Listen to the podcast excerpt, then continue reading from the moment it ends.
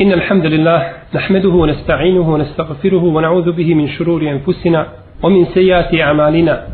من يهدي الله فهو المهتدي ومن يضلل فأولئك هم الخاسرون. وأشهد أن لا إله إلا الله وحده لا شريك له وأشهد أن محمدا عبده ونبيه ورسوله وصفيه من خلقه وخليله أدى الأمانة وبلغ الرسالة ونصح الأمة وكشف الله تعالى به الغمة وجاهد في الله حق جهاده حتى أتاه اليقين. يا أيها الذين آمنوا اتقوا الله حق تقاته ولا تموتن إلا وأنتم مسلمون. يا أيها الناس اتقوا ربكم الذي خلقكم من نفس واحدة وخلق منها زوجها وبث منهما رجالا كثيرا ونساء واتقوا الله الذي تساءلون به والأرحام إن الله كان عليكم رقيبا. يا أيها الذين آمنوا اتقوا الله وقولوا قولا سديدا. يصلح لكم أعمالكم ويغفر لكم ذنوبكم. ومن يطع الله ورسوله فقد فاز فوزا عظيما. أما بعد فإن أحسن الكلام كلام الله وخير الهدي هدي محمد صلى الله عليه وسلم وشر الأمور محدثاتها وكل محدثة بدعة وكل بدعة ضلالة وكل ضلالة في النار Mi smo u našem zadnjem druženju, poštovani slušalci, govorili o namazu u zabranjenim vremenima, pa smo spominjali skupinu namaza koji se mogu klanjati u zabranjenim vremenima i došli smo do pitanja salavat allati laha sebeb do pitanja namaza koja imaju povod namazi sa povodom ili sa razlogom. U ovu skupinu islamski učenjaci obično ubrajaju tehijetul mesjid znači dva rekiata kao pozdrav džamiji kada musliman ulazi u džamiju sunnetul vodu dva rekiata nakon uzimanja abdesta salatul kusuf namaz za pomračenje i slično tome. I kada su u pitanju ovi namazi sa povodom islamski učenjaci imaju dva različita mišljenja. Prva skupina učenjaka kažu da nije dozvoljeno klanjati ove namaze u zabranjenim vremenima to je mišljenje imama Ebu Hanife rahimahullahu ta'ala i to je poznato u mezhebu imama Ahmeda. Drugo mišljenje je mišljenje šafijskih pravnika i drugi rivajet od Ahmeda da je to dozvoljeno. I druga skupina učenjaka koja dozvoljava namaze koji imaju povod u zabranjenim vremenima dokazuju to narednim argumentima. Prvo kažu došlo je u vjerodostojnim predajama da je dozvoljeno klanjati dva rekiata nakon tavafa u svim vremenima a dva rekiata tavafa su namaz sa povodom kao što su i prethodno spomena spomenuta skupina namaza. Drugo kažu došlo je u vjerodostojnom hadisu koga smo prethodno spomenjali da je dozvoljeno klanjati dva rekiata nakon abdesta u bilo koje vrijeme. Kako je došlo u hadisu Bilala da ga je poslanik sallallahu sallam pitao kaže obavijesti me o Bilale o tebi najdražem dijelu ili dijelu za koje očekuješ da ćeš dobiti nagradu kod uzvišenog Allaha te barake o teala jer sam čuo zveke tvojih papuča u džennetu pa je rekao Bilal ne znam da radim išta meni draže Allahov poslaniće misli se li dobrovolji dijela od toga da kada god uzmem abdest u bilo koje doba dana ili noći klanjam dva rekiata ili klanjam više od toga a za očekivati je ili sigurno se je dešavalo da Bilal uzima u bilo koje doba dana ili noći abdest, pa sigurno se je dešavalo da to nekad zadesi i u zabranjenim vremenima, pa bi znači klanjao i u tom vremenu. Tako se znači može zaključiti iz hadisa, iako hadis nije jasan u potpunosti po tome pitanju. Isto tako namaz za pomračenje sunca hadis koga ćemo isto spominjati kada dođemo do poglavlja pomračenja kada je poslanik sa osaleme rekao fe iza rojtu muha fefzau ila salah a kada se to desi je pomračenje onda klanjajte. Znači u bilo koje vrijeme da se desi to taman bilo u vremenu zabrane da se da se pohita namazu. Četvrti dokaz kojim dokazuje ova skupina učenjaka jeli, koji dozvoljavaju namaz u zabranjenim vremenima ako ima povod je su riječi poslanika sallallahu alaihi wasallam Ida dehale ahadukum ul mesjid fela jeđlis hatta yusalli rekiatejni kada neka od vas suđe u džamiju neka ne sjeda nikako dok ne klanja dva rekiata. Znači neka klanja dva rekiata prije nego što sjedne. A za očekivati je da će čovjek često ulaziti znači kratko prije akšama ili kratko prije podne namaza i tako dalje u džamiju u vremenima kada je zabranjeno klanjati pa pored toga neka čovjek klanja dva rekiata. Isto tako kažu ovi učenjaci došlo u vjerodostojnoj predaje da je poslanik sallallahu alaihi sallam klanjao podnevske sunnete poslije i kindije namaza i kažu nema razilaženja među islamskim učenjacima da je dozvoljeno klanjati dženazu poslije sabaha i poslije ikindije.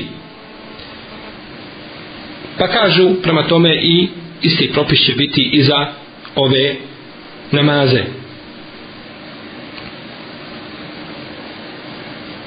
Islamski učenjaci koji još dozvoljavaju da se klanja u zabranjenim vremenima koriste također i predaju Ebu Zara radijallahu anhu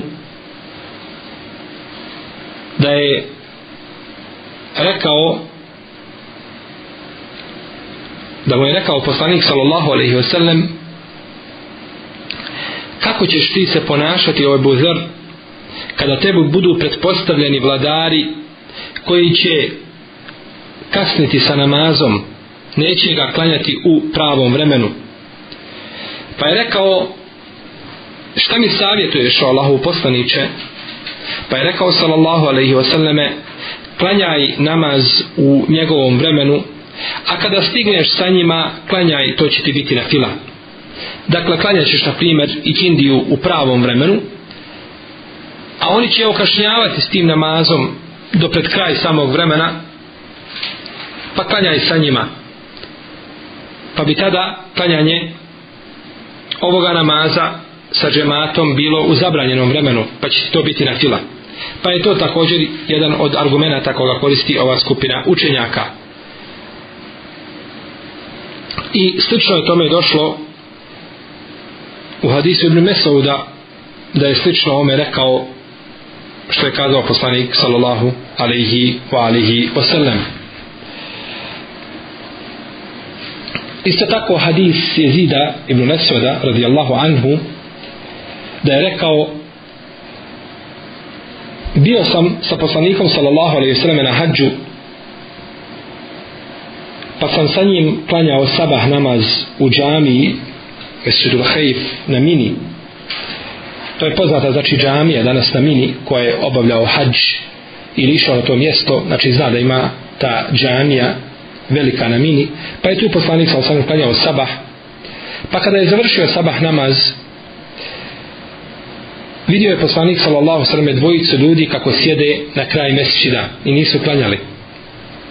Pa im je prišao a njihove kako kaže ravija hadisa ključne kosti tresu se od straha.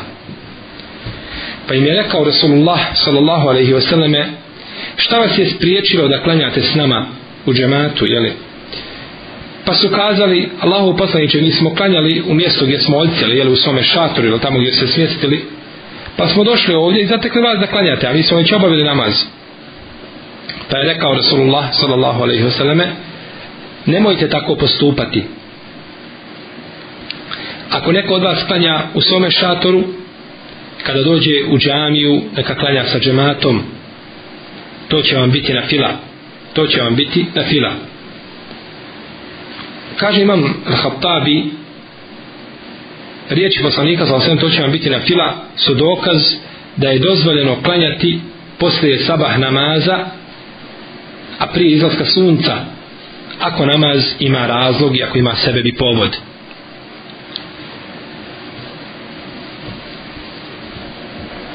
Dakle vidimo iz ovih argumenata, ovih osam dokaza koje smo spomenuli, koji zaista ukazuju da namaz koji ima povod, da se može klanjati u zabranjenim vremenima,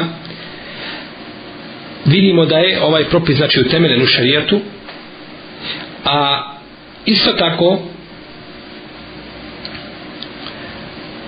vidimo i možemo zaključiti da su hadisi koji govore o zabrani klanjanja namaza u određenim vremenima, da se to odnosi na namaze koji nemaju sebeba i povoda i razloga, nego da se to odnosi na općenitu na filu.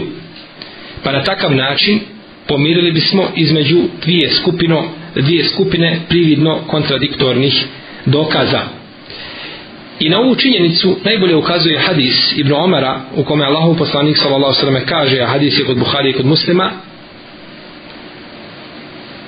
La je ahadukum فيصلي عند طلوع الشمس ولا عند غروبها neka niko od vas ciljano ne klanja pri izlasku i pri zalasku sunca znači ovdje je spomenut namaz koji je ciljan da čovjek dođe sa nijetom da klanja kada zalazi ili kada izlazi sunce znači u zabranjenim vremenima to nije dozvoljeno. No međutim, ako ima za svoj namaz koga želi obaviti, ako ima povod, onda može znači klanjati na osnovu prethodno spomenutih argumenata, a uzvišeni Allah, tabarak je ta'ala, najbolje zna.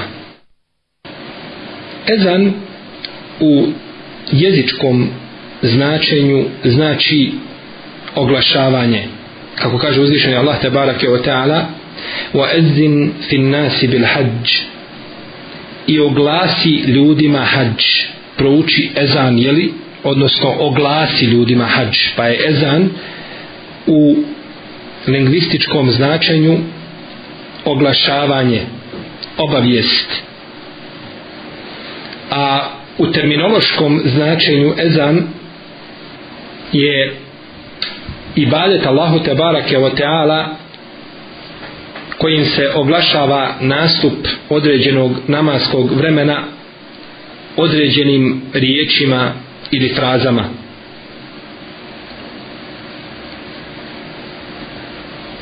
I kamet u jezičkom značenju znači došlo je od riječi ekame i u klimu što znači ispraviti nešto. A u terminološkom značenju to je ibadet Allahu te barak je otala kojim se označava početak namaza.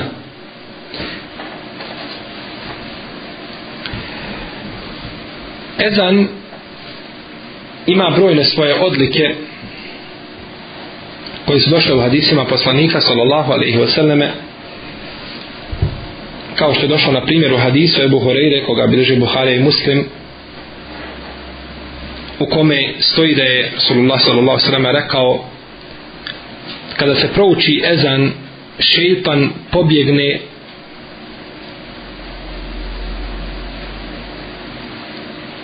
sve toliko daleko da više ne čuje mu ezina. Pa kad se završi ezan on se ponovo vrati. Pa kada se prouči kamet za namaz šeitan ponovo pobjegne toliko daleko da ne čuje više i kameta. Pa kad prestane učenje i kameta kada se završi on se ponovo vrati i dolazi onda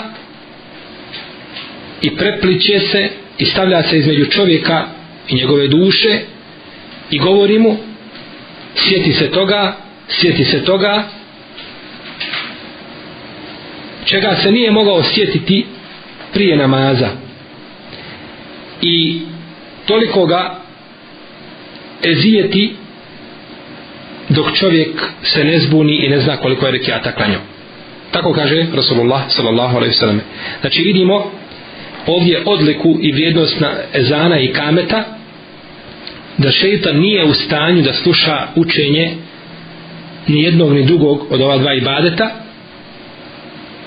pa pobjegne pa se nakon toga vrati i ometa čovjeka i kaže mu sjeti se tako i tako pa čovjek zaboravi koliko je klanjao. I zaista koliko ljudi stane na namaz i ne može se sjetiti određene stvari prije namaza no međutim dok stane na namaz i dok donese počin tekmir i dok počne učiti odmah šeitan mu priđe pa mu spomene to što je zaboravio.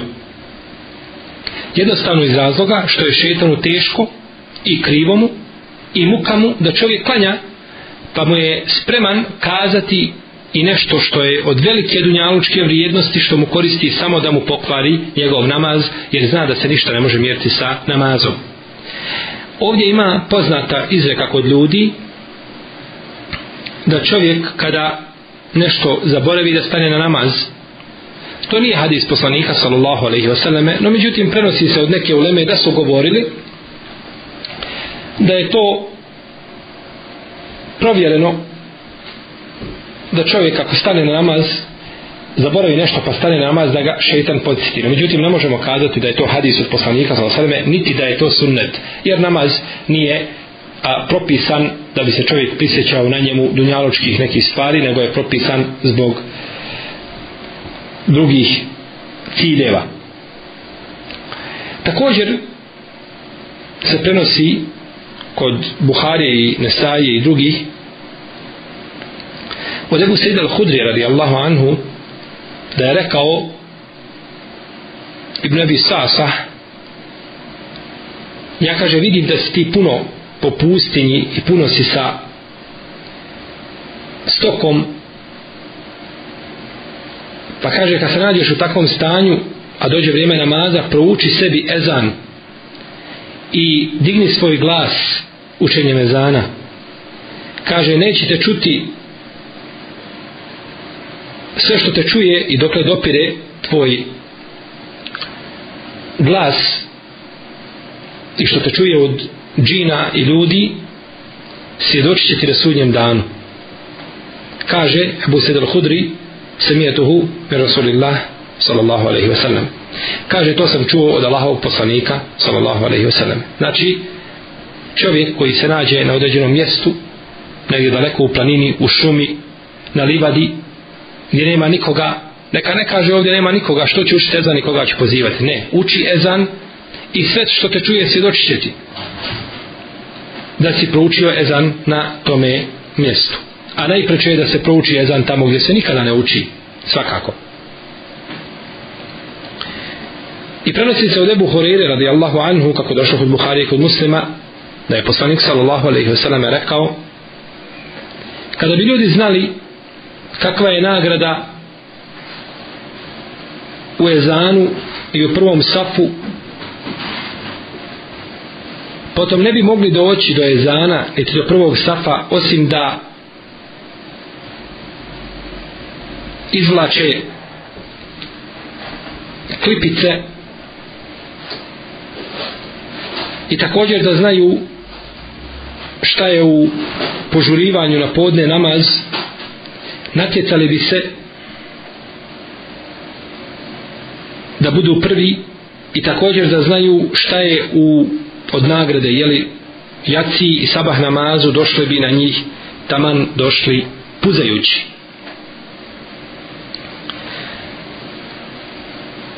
I prenosi Muavija ibn Abi Sufja radijallahu anhu hadisu koga bilježi ima Muslim ibn Mađi i Ahmed i drugi da je poslanik sallallahu alaihi sallam rekao el muezzinune atvalu nasi anaqan jevme il qiyame Mujezini će, mujezini će imati najduže vratove na sudnjem danu. Znači, bit, bit će poznati, to će im biti odlika koju neće imati drugi ljudi, a to je da će se poznavati po svojim vratovima. I prenosi Ukbe ibn Amir al-đuhani da je poslanik sallallahu sallam rekao Allah se čudi pastiru koji čuva svoje stado po vrhovima brda pa prouči jezan potom klanja. Pa kaže uzvišeni Allah za ođel pogledajte moga roba. Proučio je ezan i kamet i obavio namaz. Boji se mene kad gafertu li abdi u edhaltuhu l'đanne ja sam oprostio mome robu i uvešću ga ili uveo ga u džennet. I ovaj hadis svakako ukazuje na odliku učenja ezana i kameta. Na početku ovoga hadisa kaže se Allah se čudi to je jedno od svojstava čuđenje, jedno od svojstava uzvišenog Allaha te barake o ta'ala koje je potvrđeno. I svojstva uzvišenog Allaha za ođel dijele su dvije skupine. Subutije i selbije. Znači svojstva koje mi pripisujemo uzvišenom Allahu i moramo i njemu pripisati za ođel i svojstva koja negiramo i da su ona strana i ne mogu biti pri uzvišenom stvoritelju Tebarake o Teala. Prvo, svojstva koja pripisujemo su kao svojstvo života, snage ili moći, izdizanja iznad arša, svojstvo lica, svojstvo ruku i tako dalje. To su svojstva koja su svojstva, znači, e, ili ova svojstva su na način kako ona dolikuju uzvišenom Allahu te barake o teala i on ničemu nije sličan. A svojstva koja moramo negirati je svojstvo smrti, na primjer, ili svojstvo a, sna, spavanja, ili svojstvo neznanja, ili svojstvo zaborava, ili svojstvo nemoći, ili svojstvo umora i slično tome, to su svojstva koja ne mogu biti pri stvoritelju Tebarake o Teala. I mi u kitabu i u sunnetu imamo otprilike oko 230 svojstava manje ili više od toga. Dalje, a, svakako ovo e, svojstvo e, čuđenja je došlo i u Kur'anu jednom ajetu, jer uzvišen je Allah tabarak kaže bel ađibte u jesharun, a po drugom kirajetu bel ađibtu u jesharun.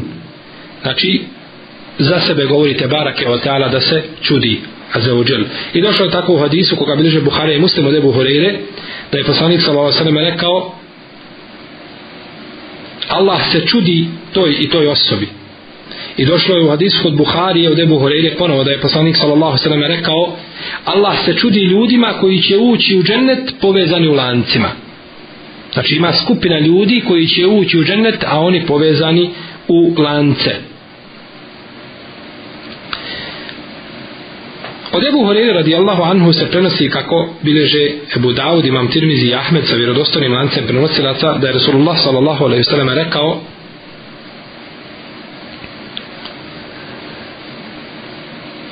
Imam je odgovoran a muezin je povjerenik. Pa neka Allah uputi imame i neka oprosti muezinima. Neka uputi imame i neka oprosti muezinima. Ovaj hadis ukazuje da je ezan bolji od imameta da je bolje biti mujezin nego imam i da je veća nagrada mujezinu nego imamu i na to ukazuju prethodno spomenuti hadis jer je imam odgovoran a mujezin je povjerenik pa je povjerenje veće od odgovornosti, veća, veći stepen. I uzvišeni Allah je rekao, e, i poslanik sa je rekao, neka Allah oprosti mujezinima, a neka uputi imame, pa je oprost veći od upute. Pa je tako nagrada muezina veća od nagrade imameta ili imama i o tome govore brojni hadisi. Može svoje zaključiti iz hadisa. I nema posebnih dokaza da je imamet bolji od mujezina osim to da kažemo da je to bio e, posao poslanika sallallahu ili da je on bio imam. U svakom slučaju Rasulullah sallallahu sallam i hulefai Rašidun a, nisu učili ezane navodi imam neovi koliko se sjećam da je poslanik sa samo jedan put proučio ezan iz određenog razloga jeli? no međutim ovaj to nije bio njegov posao i nije se zabavio time niti uh, hulefauhu Rašidun jer jednostavno mujezin treba biti na vrijeme u džami prije drugih ljudi pazite na namaska vremena dok halifa koji se bavi sa pitanjima e, najvećim pitanjima muslimana ne može spojiti između toga da bude mujezin i da bude halifa i da radi znači za korist muslimana jer nema sigurno za to dovoljno vremena i teško je spojiti ove dvije obaveze.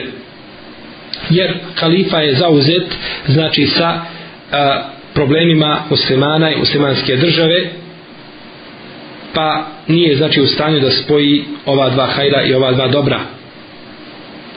Stoga je znači većini muslimana koji se ne bave na ovakav način kao što se bavili halife poslanika sa osaleme i on sam ali i sallatu wasalam njima je bolje da budu muezini nego da budu imami.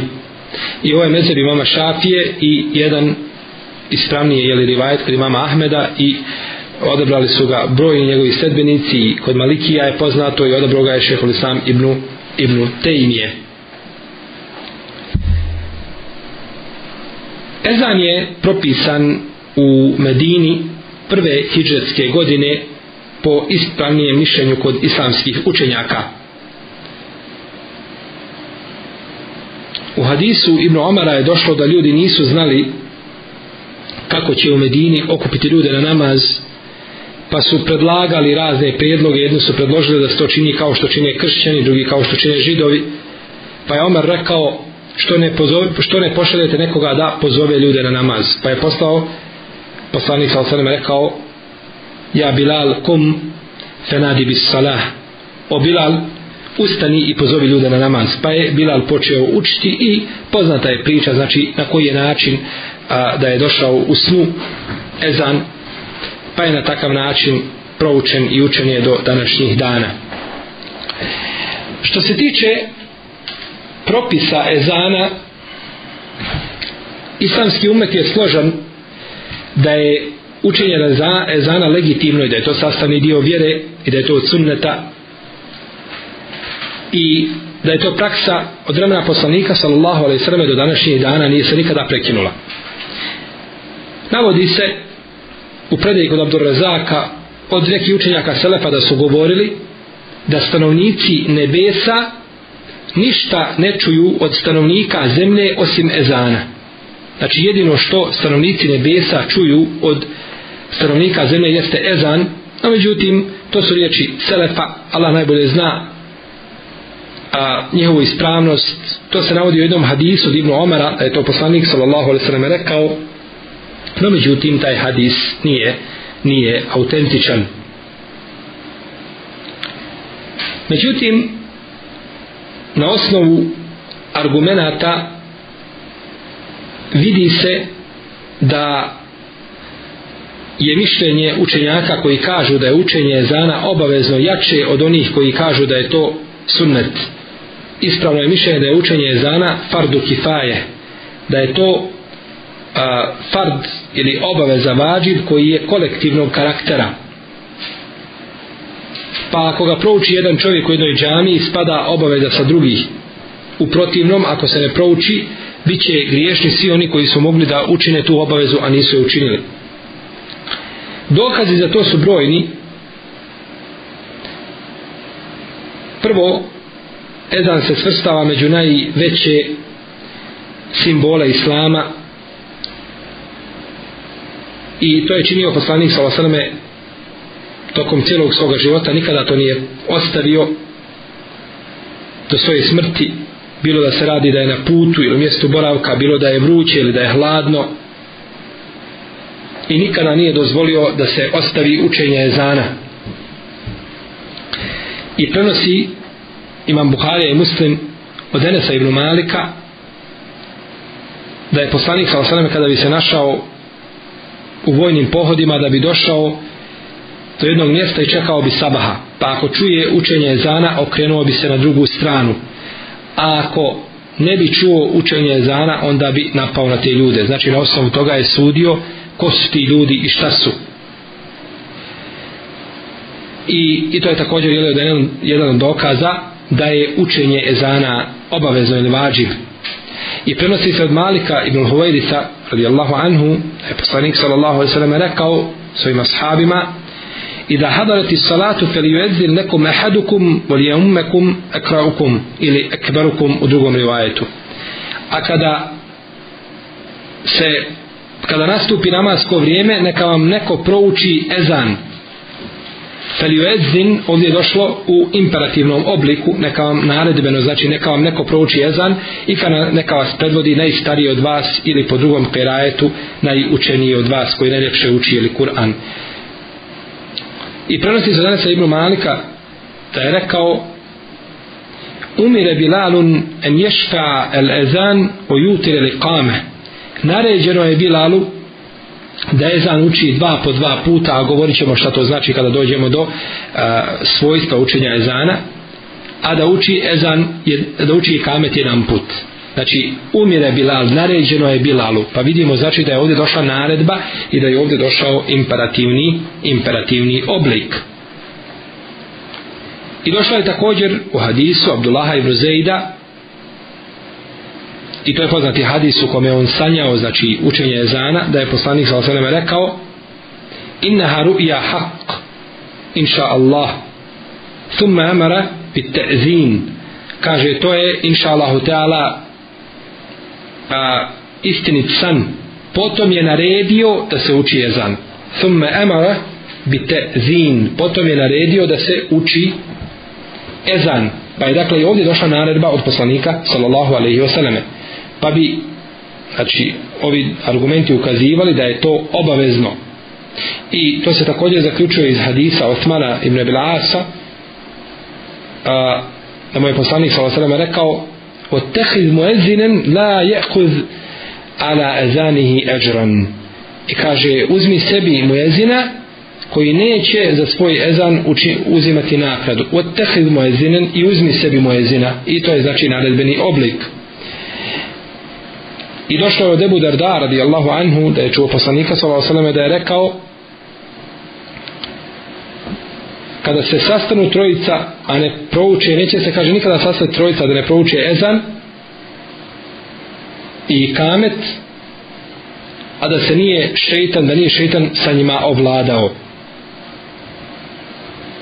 I nema sumnje da ovaj hadis ukazuje jer šeitan neće ovladati sa čovjekom koji ostavi samo sunnet zbog ostaje jednog sunneta ne možemo kazati da je šeitan vladao čovjekom. To ne bi bilo realno i ne bi odgovaralo šerijatskim argumentima i općim ciljevima šerijata i, i dokazima već se to kaže za čovjeka koji ostavi namjerno i svjesno ostavi vađib da je šeitan sa njim ovladao. I mišljenje imama Malika po jednom rivajetu je da je učenje zana vađib i mišljenje kod imama Ahmeda i jedan stav šafijski učenjaka i to je odabrao Ataj, Mujahid, Al-Uzai, Dawud, Ibn Hazm i odabrao ga je također šehol Islam, Ibn Tejmije i Ibn Munzir od šafijskih pravnika. Dok Ebu Hanife, rahimahullahu ta'ala, o šafijaj i to je jedno mišljenje mama Malika da je to pritvrđeni sunnet. No međutim, na osnovu prethodno spomenutih argumenata možemo kazati da je preferirajuće mišljenje da je ezan fard kolektivnog karaktera fardu kifaje a i hanefije koji kažu da je sunnet oni, oni su kazali da čovjek koga ostavi da može biti griješan. Pa ovdje kao da je razilaženje samo jezičko jer imame Srhasi kaže u svom delu na psut u prvom tomu na 133. stranici oprosti na 123. stranici da je rekao, kaže Muhammed, je Muhammed ibn Hasan Šeibani poznati učenik Ebu Hanife, kaže ako ljudi u jednom predjelu ostave učenje ezana, naredit će im se da ga prouče i da ga uče, prisilit će se, ako odbiju, kaže, borit će se protiv njih sa oružjem dok ne nastave učenje ezana, jer su, kaže, jer kao što se borimo protiv njih kada ostave obavljanje određenog farza ili vađiva. Dakle, vidimo znači da su islamski učenjaci imali jako znači žestoko mišljenje kada je u pitanju ostavljanje ezana, jer nema sumnje da je ezan jedan od simbola islama i da muslimansku sredinu između ostalog možemo prepoznati po ezanu, a tamo gdje nema ezana, sigurno da to znači ukazuje da se u tom mjestu nalazi jako malo muslimana ili da ih uopće nema, a uzvišeni stvoritelj Tebarake wa ta'ala najbolje zna. Allahu ta'ala alam. Wa sallallahu ala nabina Muhammed wa ala alihi wa sahabi ajma'in. Selam šehu Safetu Selam vama Aleikum salam U našem džematu Austrija nekoliko braće kada zakasne klanjati u džematu odu i svako klanja sam za sebe pona osobu Dokaz im je neka predaja od Ibnu Mesuda radijallahu anhu da se je on vratio kući kada je zakasnio klanjati u džematu. Koliko je to ispravan postupak kao i predaja na koju se oni pozivaju. Bismillah, alhamdulillah. Dakle, to je poznato, znači razilaženje među islamskim učenjacima po pitanju namaza e, onih koji zakasne i uspostavljene drugog džemata. Ja sam na tu temu napisao dva opširna teksta dokaz jedne i druge skupine i mislim da prelazi tekst preko četiri stranice.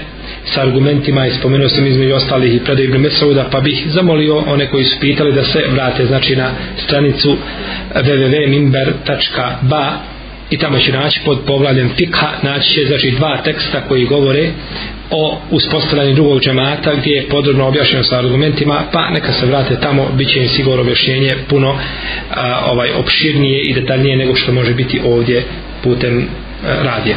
Allah ta'ala.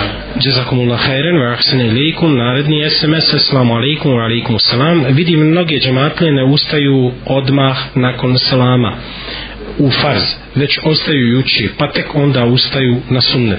Šta, šta se to uči i je li to obaveza? Kako su činili ashabi, suvremeni poslanika sallallahu alaihi ve sellem sa poslanikom nakon obavljenog farz namaza? Da li su ustali odmah klanjali sunnet ili su imali neku pauzu? Što se tiče a, učenja ili zikra nakon namaza, to je svakako legitimno i propisano šerijatom da se kaže 33 puta subhanallah, alhamdulillah, allahu ekbar. Se prouči ajatul kursija da se prouče tri zadnje sure iz Kur'ana. I to se čini neposredno nakon farza. Znači ako smo završili podne namaz sjednemo, prvo proučimo znači onaj zikr ustaljeni koga treba proučiti, potom ustajemo na fard. E, oproste, potom ustajemo da klanjamo sunnet. Tako da nećemo spajati sunnet sa fardom, jer je to poslanik sa osrme zabranio. Pa oni koji ostaju nakon farza sjede i zikre potom ustanu da klanjaju sunnet, oni su ispravnije postupili nego oni koji ustanu i spajaju odma sunnet sa e, farzom, to nije dozvoljeno, to je zabranjeno, pa treba znači zikriti nakon propisanih, nakon propisanih namaza, pa tek onda pa klanjati sunnet. Jeste. Jazakumullah khairan wa ahsan ilaykum. Assalamu alaykum. Čovjek koji ne klanja, a zna da je obaveza klanjati namaz, da li je on vjernik? Allah vas nagradio najboljom nagradom. To je poznato razilaženje znači među islamskim učenjacima. Većina učenjaka iz poznijih e, potonjih jeli, generacija kažu da je čovjek koji ostavi namaz da je veliki griješnik i prestupnik a da nije nevjernik dok je poznato kod većine selefa e, kod ashaba i tabina i drugi da su govorili da čovjek koji ostavi namaz da je time izišao iz vjere. U svakom slučaju oba dva mišljenja su utemeljena e, e, i priznata kod ehlu sunata ol džemata iako čovjek koji zna da je namaz obaveza i nije uh, skoro znači ušao u islam i nije odrastao u zabačenim predjelima zna da je namaz obaveza i nakon toga neće da klanja Allah najbolje zna shodno argumentima takav čovjek nije musliman. Jazakumullah khairan wa ahsana ilaykum. Naredni SMS stiže iz Švajcarske. Assalamu alaikum. Pitanje za šejha. Alaikum salam. Da li žena može da klanja bez čarapa u svojoj kući kada je sama? Da vas Allah Đelešanu nagradi džennetom. Amin ve ijakum. može žena klanjati bez čarapa kada je u svojoj kući sama ne smeta znači a, a, no međutim mora njena odjeća koja je za namazu koju klanja mora padati do zemlje tako kada učini seđdu da se ne vide njena stopala. Znači opće nije pouka u tome da li ima čarapa ili nema čarapa nego je pouka da odjeća u kojoj klanja da pada do zemlje. Jazakumullah khair. Još jedno pitanje također iz Švajcarske sa istog broja kada se okupamo poslije dženabeta, odnosno dženupluka, da li je potrebno izaći i reći bismillah i tek onda abdestiti za namaz. Ako možete u kratkim crtama da pojasnite kupanje od dženabeta, odnosno gusul, onako kako je došlo u hadijskim predajima. Za kupanje, kada se kupa od e, džunupluka ili kupanje za drugu neku priliku kao kupanje za petak ili za bajram i slično tome prvo se uzme znači abdest kao što se uzme abdest za namaz i potom se sapere desna potom lijeva strana tijela. I nije potrebno znači nije obaveza da se za a, da se za gusul e, govori bismila e, kao što je to za razliku recimo od abdesta jer kod abdesta imamo jasan tekst da ne vrijedi abdest osim sa bismilom. Tako da to nije obaveza kod, e, kod e, gusula ali je lijepo znači da se kaže prije toga da se kaže bismila. Ako se može izići napolje pa da se spomene to je lijepo. A ako ne onda neka se kaže bismila u sebi. Marek fikum, assalamu alaikum, da vas Allah uzvišeni nagradi za vaš trud. Da li čovjek kada klanja u kući treba ezan proučiti pa klanjati i da li je grijeh za muškarce ne učiti i kamet prije farza? Mi smo govorili znači o propisu uh, večeras ezana nešto kratko i doći ćemo do propisa ili kameta. U svakom slučaju ispravno je da uh, čovjek koji klanja da je za džemat obavezan ezan i kamet, a što se tiče kod kuće uh, i kamet ne treba ostaviti ni u kom slučaju, a što se tiče ezana uh, veliki dio uleme kaže da se može zadovoljiti sa ezanom koji je proučen na, uh, na drugom nekom uh, mjestu ili u džami i tako dalje, iako imam Buharija bilježi u svome sahihu i to je predao spojio Ebu Jala u svome musnedu i drugi sa vjerodostojnim lance prostata i također Ibn Hajar al-Skalani u svome dijelu e, uh, Tagliku Ta'liq e, da je Enes ibn Malik e, i kaže Imam al-Behek u svome dijelu uh, al-Marife da je bilo njih oko dvadesetak sa njim da su došli u jednu džamiju zakasnili gdje je završen namaz pa je naredio jednom čovjeku da im prouči ezan i, i kamet pa je potom im klanjao kao imam. Dakle ako se uh, desi ako se desi da čovjek ne klanja u džematu pa klanja kod kuće neka prouči ezan i kamet i neka to ne ostavlja a ako ostavi ezan nećemo kazati da je griješan zato što ima dobar dio uleme koji je kazao da mu vrijedi prethodno proučen ezan Allah najbolje zna. Činje hatme pred dženazu umrlom učenje na kaburu hođa koliko je ispravno također sedminama i četresnicama šta je po sunnetu ispravno da pojasnite? Na ovo pitanje poštovani slušalci kroz ovaj serijal emisija i kroz serijale Innehul Hak i druge serijale emisije kao što je ispravno vjerovanje odgovarali smo već neki 50 puta i nadamo se da većina slušalaca je shvatila i pouku i poruku i sunneta i hadisa po ovom pitanju. Međutim ja ostavljam prostor našim vašim večerašnjim gostom magistru Safetu Kuduzoviću u svakom slučaju budući da smo imali brojne odgovore na a, ove stvari o kojima se pita i da su one podrobno pojašnjene, mislim da nema potrebe da se uvijek isto ponavlja i da se uvijek isto pojašnjava, nego trebamo gledati znači da idemo napred i da pitamo nešto što će nam koristiti i što je od praktičnog dijela Islama. Allah ta'ala. Sam 131 ili 061 otvoreni program Radija Naba večera su emisije Riznica znanja nakon izlaganja na temu Ezana i Kameta kroz komentar knjige Sahihu Fiqhi Sunna na vaše pitanje poštovani slušalci odgovara uvaženi vjerski autoritet magist ministar Safet Kuduzović sljedeće pitanje. Esalamu alaikum, alaikum salam. Mogu li se sunneti izostaviti pa kasnije ih naklanjati ili da ne klanjamo? Allah vas nagradio, kako postupiti? Sunneti nisu obavezni da ih čovjek klanja i ako ostavi sunnete ponekad neće biti znači griješan zbog toga. Tako da oni u osnovi nisu obavezni no međutim čovjek je sebi uskratio veliko dobro i veliki hajr zbog koga će se gorko kajati na sudnjem danu zbog deređa i stepena ili koje je mogao dobiti da je obavljao te sunnete. A ako slučajno se desi da čovjeku prođu sunneti nema smetje da ih klanja na primjer podneske sunnete ako ih prođu da ih klanja nakon ekindije kao što činio Rasulullah sallallahu alaihi vseleme to neće inša Allah smetati ili sabahski sunnet da klanja na primjer nakon namaza pri izlaska sunca ili da klanja posle namaza tako došlo u hadisima kod imama Tabaranije i kod imama Tirmizije i kod drugih i sve je to inša Allah ta'ala vjerodostojno od poslanika sallallahu alaihi wa alaihi wa sallam Barakallahu fikum, assalamu alaikum i sljedeći SMS iz Austrije, alaikum salam. Da li je žena dužna da pomogne svojoj majci ako ona zna da joj majka nema novaca?